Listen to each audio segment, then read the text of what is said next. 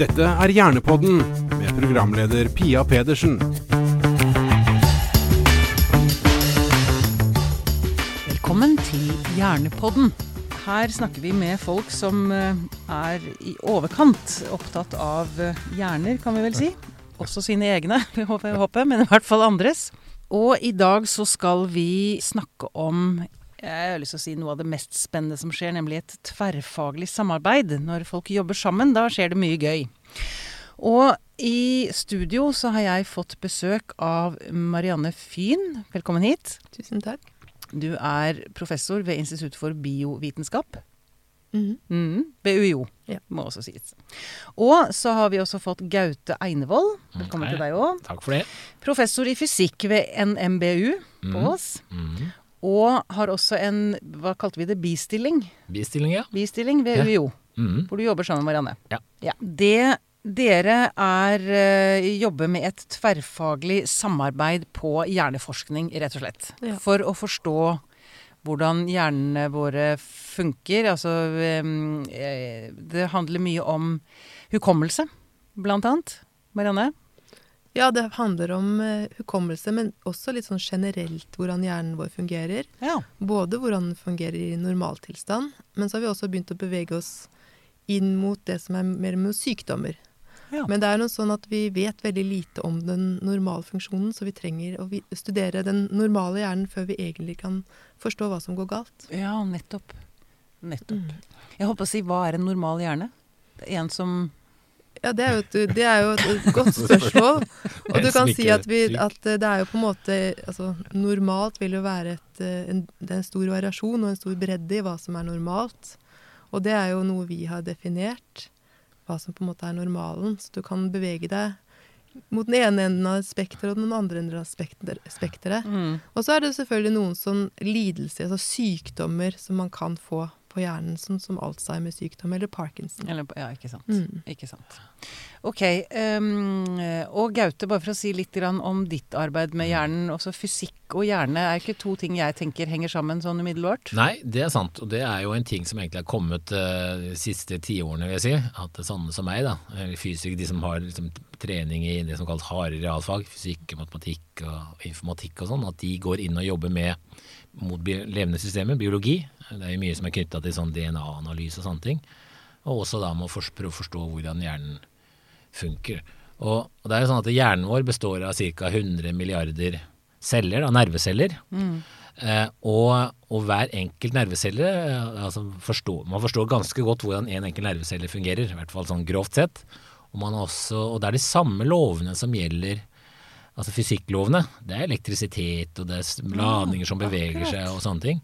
Så det er ikke noe, eh, så det, er ikke noe, det er ikke noe mystisk på det nivået. da. Og man har greid å lage nå veldig gode kan si, fysikkbaserte matematiske modeller eh, for hvordan en enkelt nervecelle fungerer. Så det forstår, eh, forstår vi ganske godt. Men det er klart, en nervecelle er ikke så spesielt smart. Det er nettverket da, Ja, er som gjør at man det blir smart. Da. Hva sa du? 100 milliarder? 100 milliarder i ikke mennesket omtrent. da. Ja, Mm. Så eh, også i mus er det da, eh, så er det ca. en tusendel så stor. Men, men, men det, det, er mye av de, det er mye av de samme altså Nervecellene er ganske like. på Ikke sant. Ja.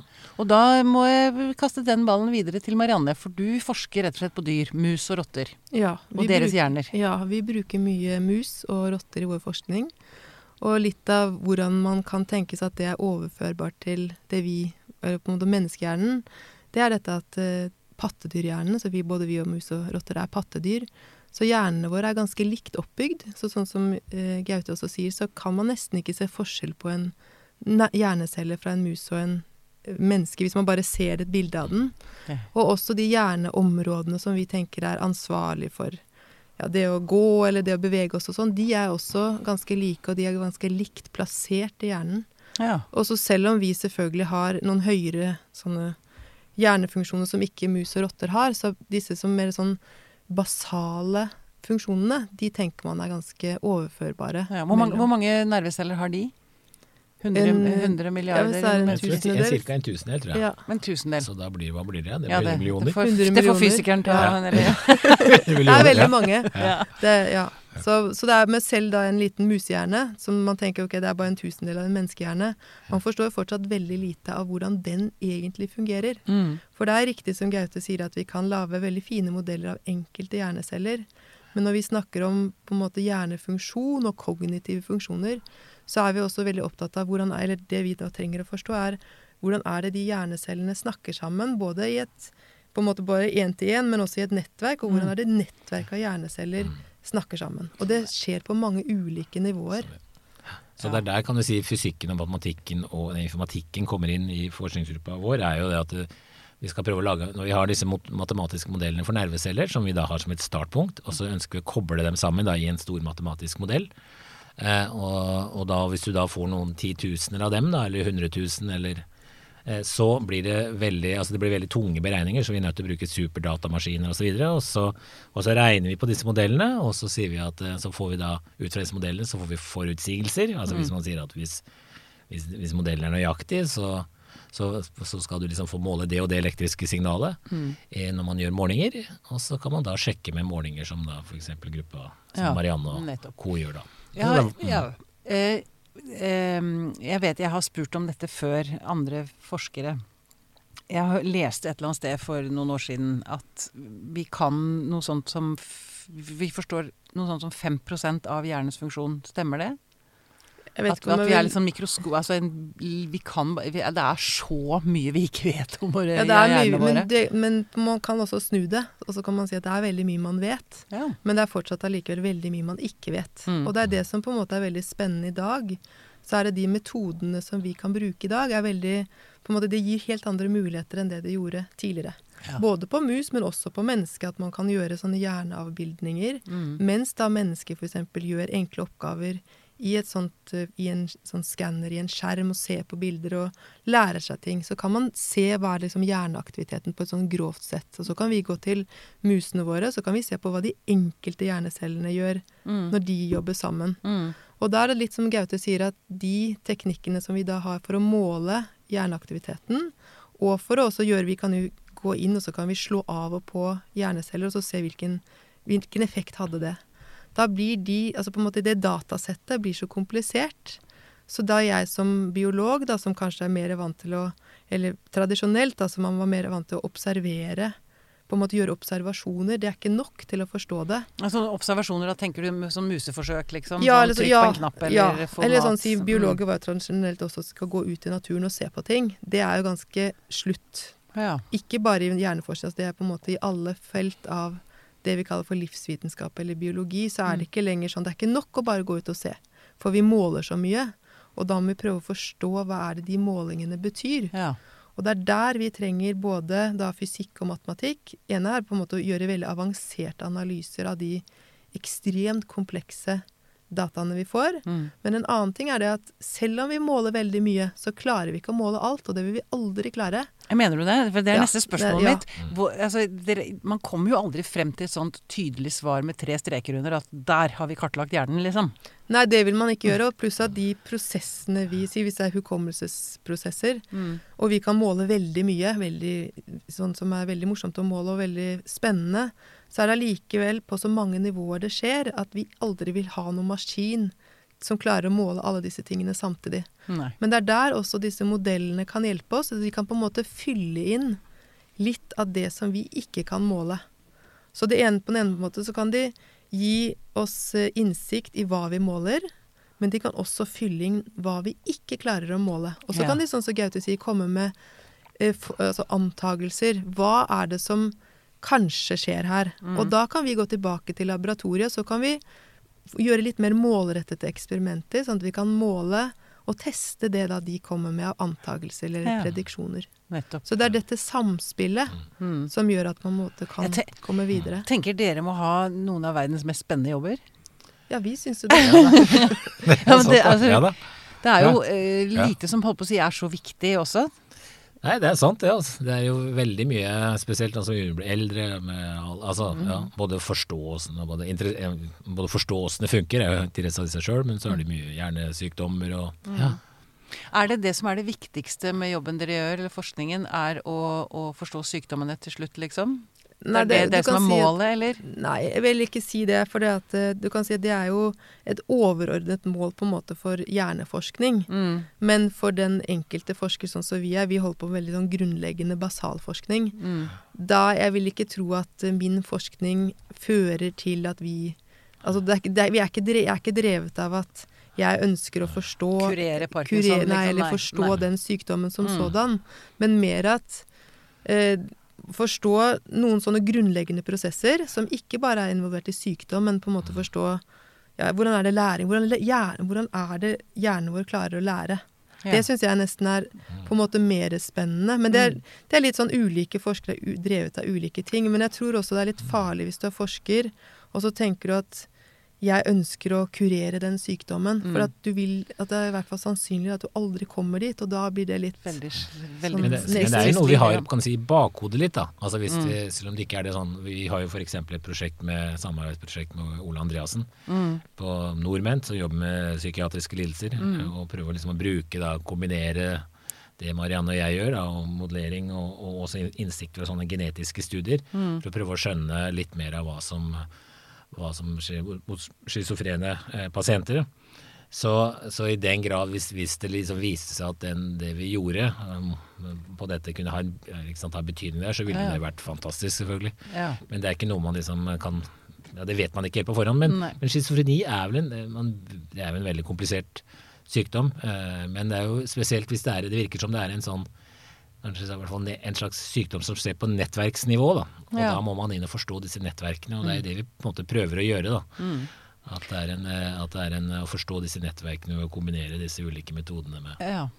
Kan jeg spørre dere, har dere, eh, har dere å si, delmål? Altså, eh, har dere gjort noen store oppdagelser allerede som dere kan avsløre her nå?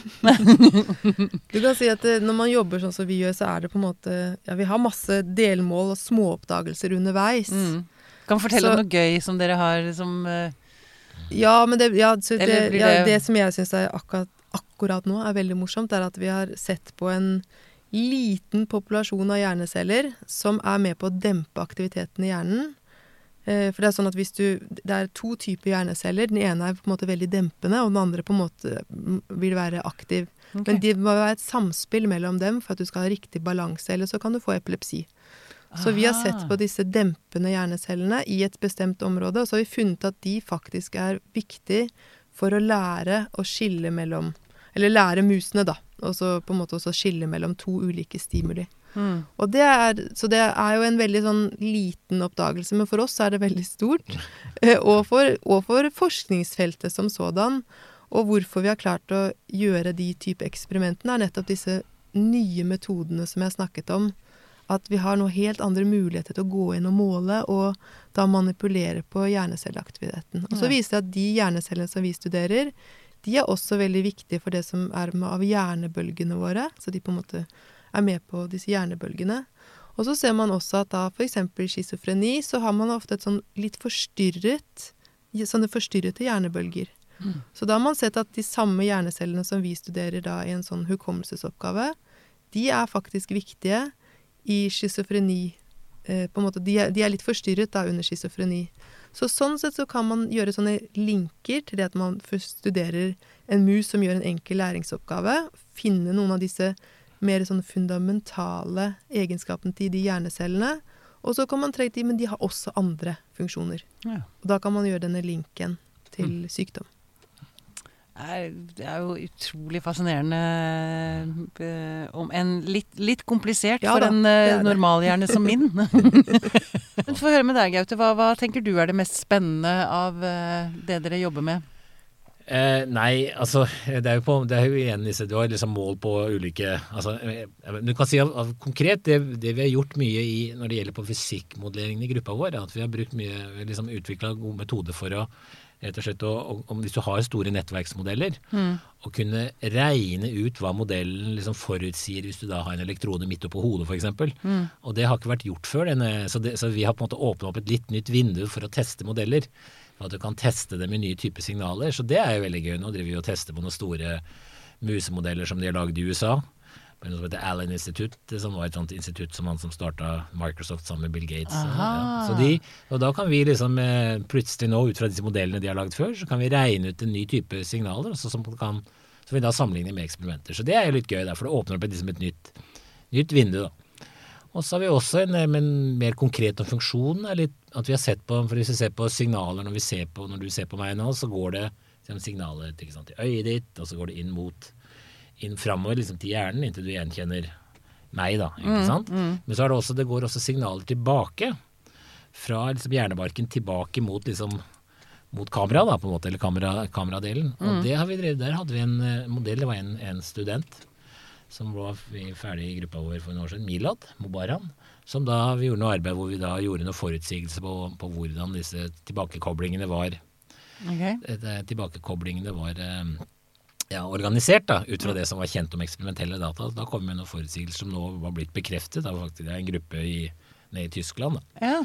Så det var jo litt sånne, sånne ting Jeg. Men hva betyr det for meg som et vanlig hjernemenneske? Holdt jeg på å si? Altså, altså- tilbakekobling Hva Nei, hva du i det? det? er, nei, det, det forteller litt om hvordan hjernen din er organisert. Da, Ja, ikke sant? For, det, ok. for, hvordan for vi er jo veldig sånn, vi har jo et inntrykk at vi har et kamera inni hodet som, setter, liksom, som kikker ut. Mm. Men, det ikke, men det er lurer, eller hjernen lurer oss, det er ikke sånn det er organisert. Da.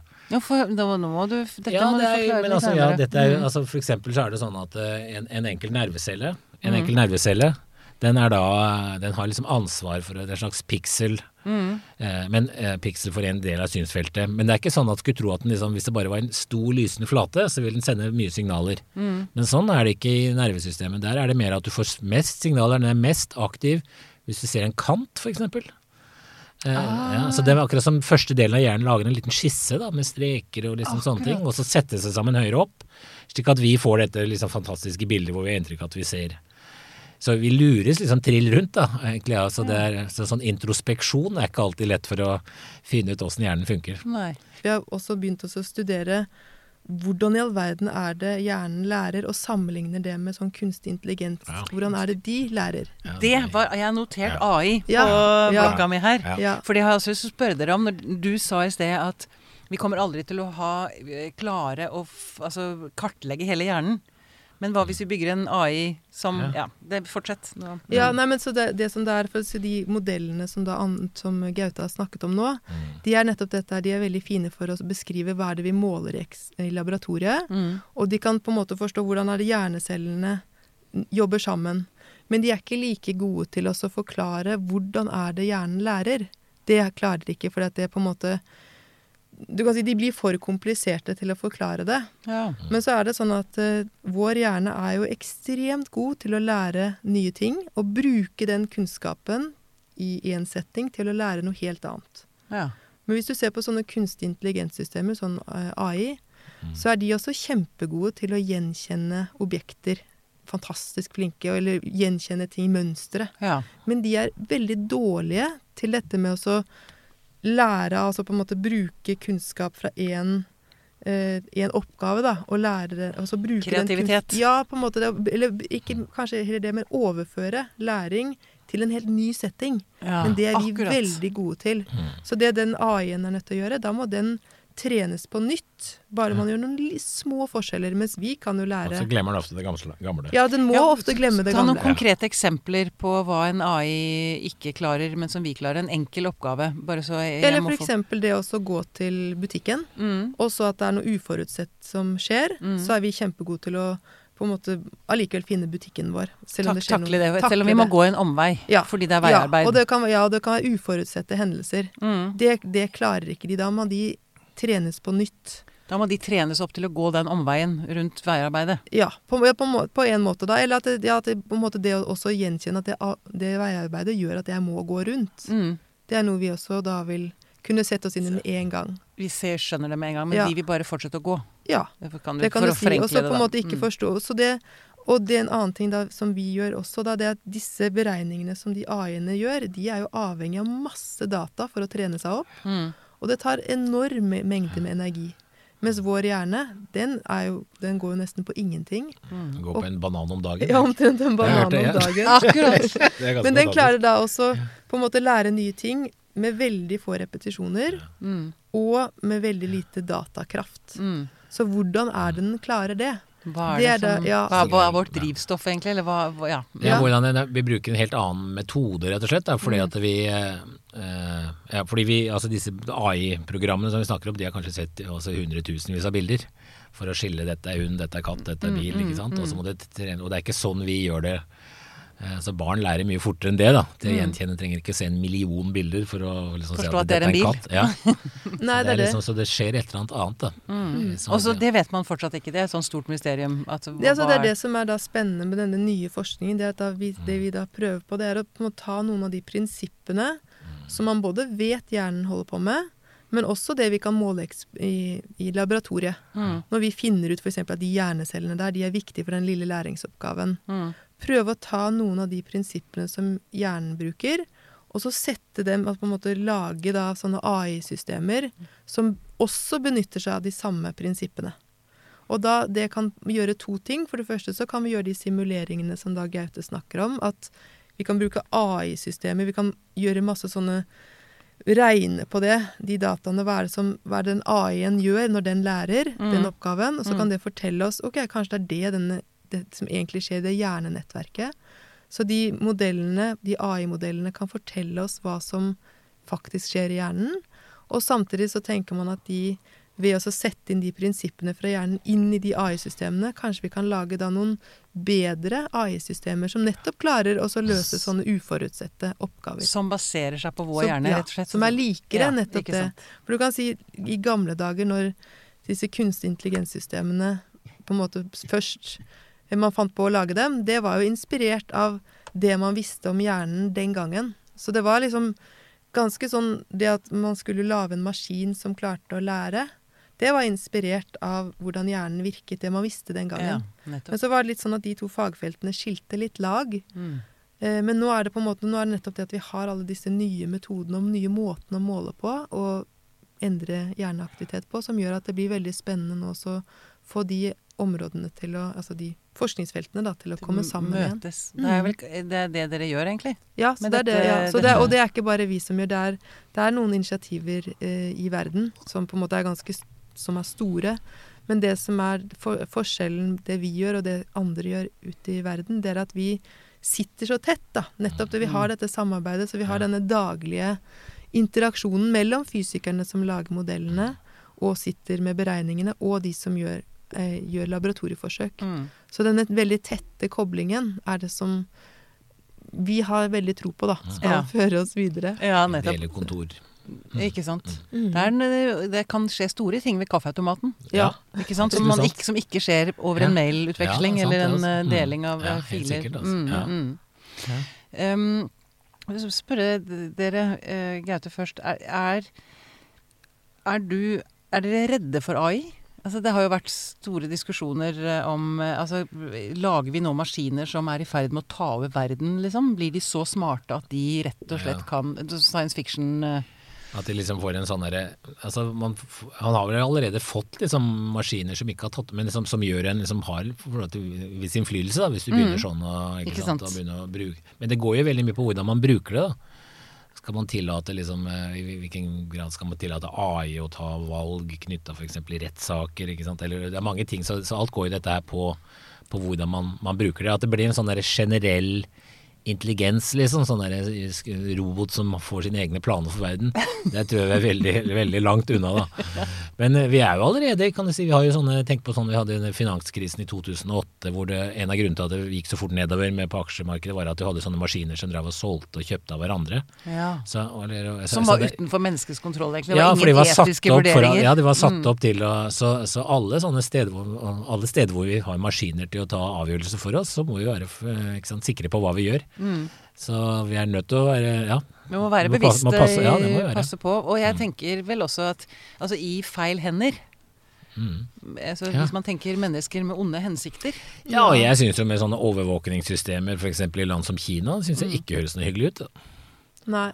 Men det er jo også sånne etiske debatter da, som vi må ta, for den forskningen og den utvikling går så enormt fort. Mm. Så hvis ikke vi tar den etiske debatten nå, så går det på en måte litt Ja, da kan sånne Mm. mer store makter da, ta i bruk disse systemene på måter som ikke Mm. vi ønsker. Ikke sant? Og så er det også det at vi forstår jo ikke hva som skjer inni den, den AI-en, da.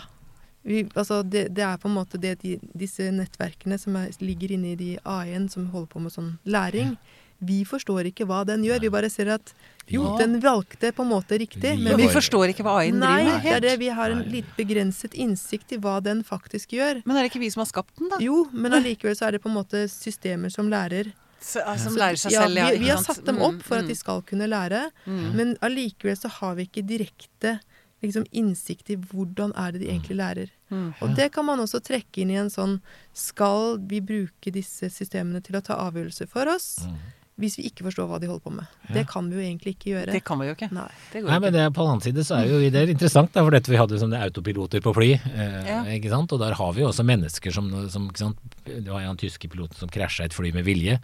Så man må liksom veie opp liksom, Ja, det hvor det. Så, men, det er, så det er, men det er vanskelige debatter. Da. Og det er jo interessant dette her med Er det lettere å godta dårlige avgjørelser, avgjørelser tatt av en menneskelig lege enn en, eh, Maskin? enn en maskin? Det har, så det er mange diskusjoner å ta, da. Ja, ja. Mm. Ja, så det er en sånn stor etisk debatt som eh, ikke vi er eksperter på. Nei, men det er uansett Men det er interessant å veldig- ja, snakke er med det. dere om det, syns Mm. jeg, da. Mm. Men um, hva gleder dere dere mest til av nye oppdagelser? Altså, hva, hva ser dere frem til nå? Jeg avbrøt deg i sted, Marianne, da vi begynte å snakke om delmål og småmål. Altså, ja. Når dere ser fremover nå, ett år eller ti år Jeg vet ikke hva, hva slags perspektiver dere jobber med. Det er sannsynligvis mer ti år, kanskje. Ja, du kan si at eh, jeg har ganske mange konkrete eksempler fra vår egen forskning, men det blir som du sier litt sånn De blir, kan bli fort litt kompliserte. Mm. Men det som er nærmest oss, er dette at vi kan utnytte disse nye verktøyene på måter så vi kan studere hjernen på en helt annen måte og forstå de prosessene. Mm. Men allikevel så tror jeg nok at både Gaute og jeg har en sånn Altså vi har et virkelig stort, sterkt ønske om at denne aktiviteten som vi har beskrevet, da, med denne veldig tette koblingen mellom modeller og Mm. eksperimenter og AI, at den nesten kan smelte sammen. Merge. Merge. Ja, altså Det har vi- ja. Så at unge, om noen år, eller unge folk da, på videregående tenker at jeg skal jeg har lyst til å jobbe med hjernen, så derfor er jeg nødt til å bli fysiker. Eller i hvert fall at det er en mulighet. Ja, ja. Ja. Det er litt sånn da, at man, For det Mm. er en ting som henger igjen veldig liksom, i den ideen om hva fysikere, hva biologer, hva altså denne Det er sånne skott man tror skott, ja, for det har jo vært i 1900-tallet dreide seg mye om disse ulike disiplinene. Mm. Eh, Det var, og I løpet av 1900-tallet så så man at det liksom, ja, at det, sant, med DNA-molekyler som kom og liksom koblet sammen kjemi og biologi, man Mm. så jo liksom at det er en, en vitenskap igjen. da. Mm. At man får det inn i, men fortsatt har man jo på universitetene har man jo fortsatt institutt for biologi og institutt for kjemi. ikke sant? Så Som egentlig er litt dumt, kanskje? da. Det kommer til å endre seg, kanskje. Jeg vet ikke. Vi, det, Institutt det- for hjerneforskning. Ja, men det Ja, ja. Men, men samtidig så er det litt sånn tvegete der. Ja. For at jeg er jo selvfølgelig veldig for tverrfaglig forskning og tverrfaglig aktivitet. Men for å lykkes med det, så må du være veldig eh, på en måte veldig godt fundert da, i din egen disiplin. Du må være spissa. Du, ja, du må være Mm. så du må på en måte du må være trygg på at uh, jeg kan nok biologi eller jeg kan nok fysikk. Mm. Og hvis du er trygg på det, så er det mye lettere også at det, jeg vet at jeg kan bruke min kunnskap Ja. til å berike Gaute, Ja. og motsatt, og vi klarer å jobbe sammen. Så derfor så er det Derfor så tenker, tenker jeg også sånn utdanningsmessig at det er bra at vi også går i dybden. Mm. Så vi, jeg, jeg har ikke noe sansen for at vi skal ha f.eks. Bare et uh, utdannelse som heter hjerneforskning. Den kan fort bli for tverrfaglig, og hvis du ikke har dybden, så blir det Overfladisk. Du må kunne noen metoder. altså Du må kunne ha en dybde i metode. da. Ja. Ikke sant? Og fysikk, det er jo det egentlig, hvis jeg, Ja, hvis jeg skal være enig med hvis Ja. jeg er enig, så er disiplin, da mener jeg egentlig metode. Ja, det er Du må det. kunne liksom eh, litt mer enn det, men det er veldig mye det, metode. da. Du må kunne liksom Mm. gjøre eksperimenter, du må gjøre ulike typer eksperimenter, du må Mm. kunne lage matematiske modeller. Liksom. Mm. Så du har, ja, så man kan liksom Mm. Man kan sette sammen de ulike metodene, da. Mm. Mm. Mm. Ja. Så, nei, så det er ikke noe enkelt svar på det der, men det, det vi ser er at, de, at alle, og det gjelder jo også videregående skole også med fagene der, som er organisert på samme måten, at de som jobber med det, er klar over at dette er menneskeskapt, og det er kanskje mindre de skottene blir mindre og mindre, Mm. så det må folk være klar over. da. Så må du kanskje da vise Sånn som dette, dette senteret som heter Simpla, som vi har på, på Universitetet i Oslo, er jo da et, liksom, ikke under et institutt, men under et fakultet for matematisk Var det matnatt? Matematisk ja. naturvitenskapelig. Som da, inn, ikke, for som da omfatter matematikk og kjemi og fysikk og biologi og farmasi og, og, og sånn. Så da har man liksom en sånn derre Så det tilhører ikke et institutt, det tilhører mange Nei, det tilhører fakultetet, så det innebærer, som, innbefatter mange egentlig bidrag fra mange institutter. Ja, nettopp. Så man må passe på å, gjøre, å liksom ha det i bakhodet når man organiserer seg. Ja. Mm. Men uansett så tenker jeg dette må være veldig inspirerende hvis det sitter uh, unge mennesker der ute og lurer på Og jeg er veldig opptatt av fysikk, men uh, jeg har egentlig lyst til å jeg, Ja. Mm. Det er jo Ja, det er bra, tenker jeg. Ja. Ja, og det er Unge sånn, mennesker ja, vi kan gjerne snakke masse om rekruttering også. Jeg tenker også det er, men jo, men det er, det, er, det er veldig mange kvinnelige studenter og kandidater som er kjempegode selvfølgelig i matematikk og fysikk, men noen ganger så vet de ikke om de mulighetene som finnes nå innen medisin eller hjerneforskning. Mm. Så på en måte, så, så det tenker jeg er og vi, Men vi trenger de hodene sånn i fremtiden. Så det å kunne også vise at ja, et egen, eller sånn ferdigheter da, i matematikk og fysikk, det kan du faktisk bruke til å studere hjernen, eller til å studere problemstillinger som oftere eh, fenger jenter. Ja. For tradisjonelt har jo på en måte også fysikk vært Mm. knyttet til mer sånn harde realfag, og det har selvfølgelig vært veldig store på oljeutvinning, mer tekniske ting. Mm. Og det har kanskje ikke alltid like sånn Stor appell til eh, kvinnekjønnet, nei. Ja. Mm. Nei, Så det er på en måte også en sånn viktig Det er sant. Så det er mange kvinnelige masterstudenter ja. Mm. som har brukt mm. kan fysikk til å regne på ting som er knytta til hjernen. Ikke sant. Mm. Veldig bra. Det er, må dere, det er lytterne der ute. Det er, her er det inspirasjon til veivalg. En ting jeg har sittet og lurt på, som jeg spurte dere så vidt om, er um, denne forskningen Hvis man skal dra det ned på, si, personlig plan, altså hva, hvilken effe- hva, hva gjør dette for meg? Den jobben dere gjør, hvilken betydning har det for meg som Pia? Hvis vi kan ha en, eh, en for det første, altså en, en drøm, da. Mm. Hvis jeg tenker bare på denne liksom, modelleringsaspektet av dette her.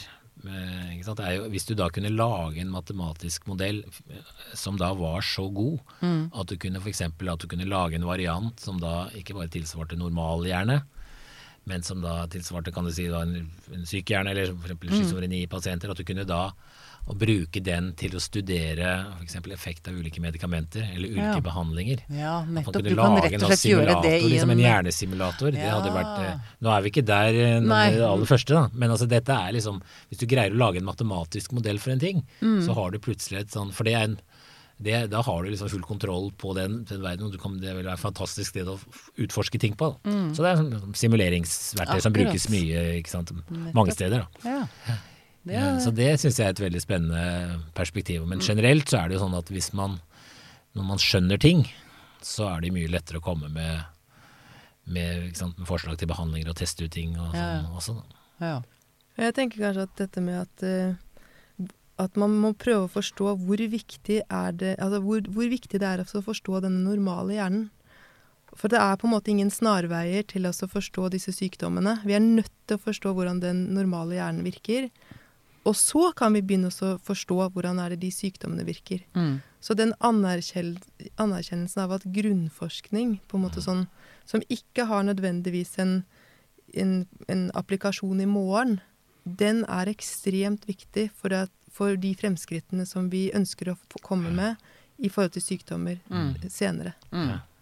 Og da er siste spørsmål. Når vet dere hvordan normalhjernen funker? Hvilket, gi meg et år.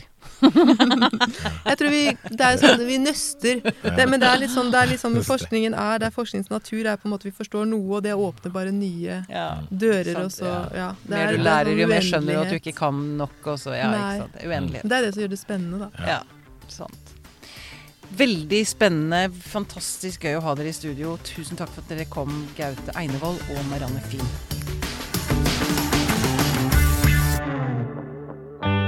Denne podkasten er produsert av Tid og lyst.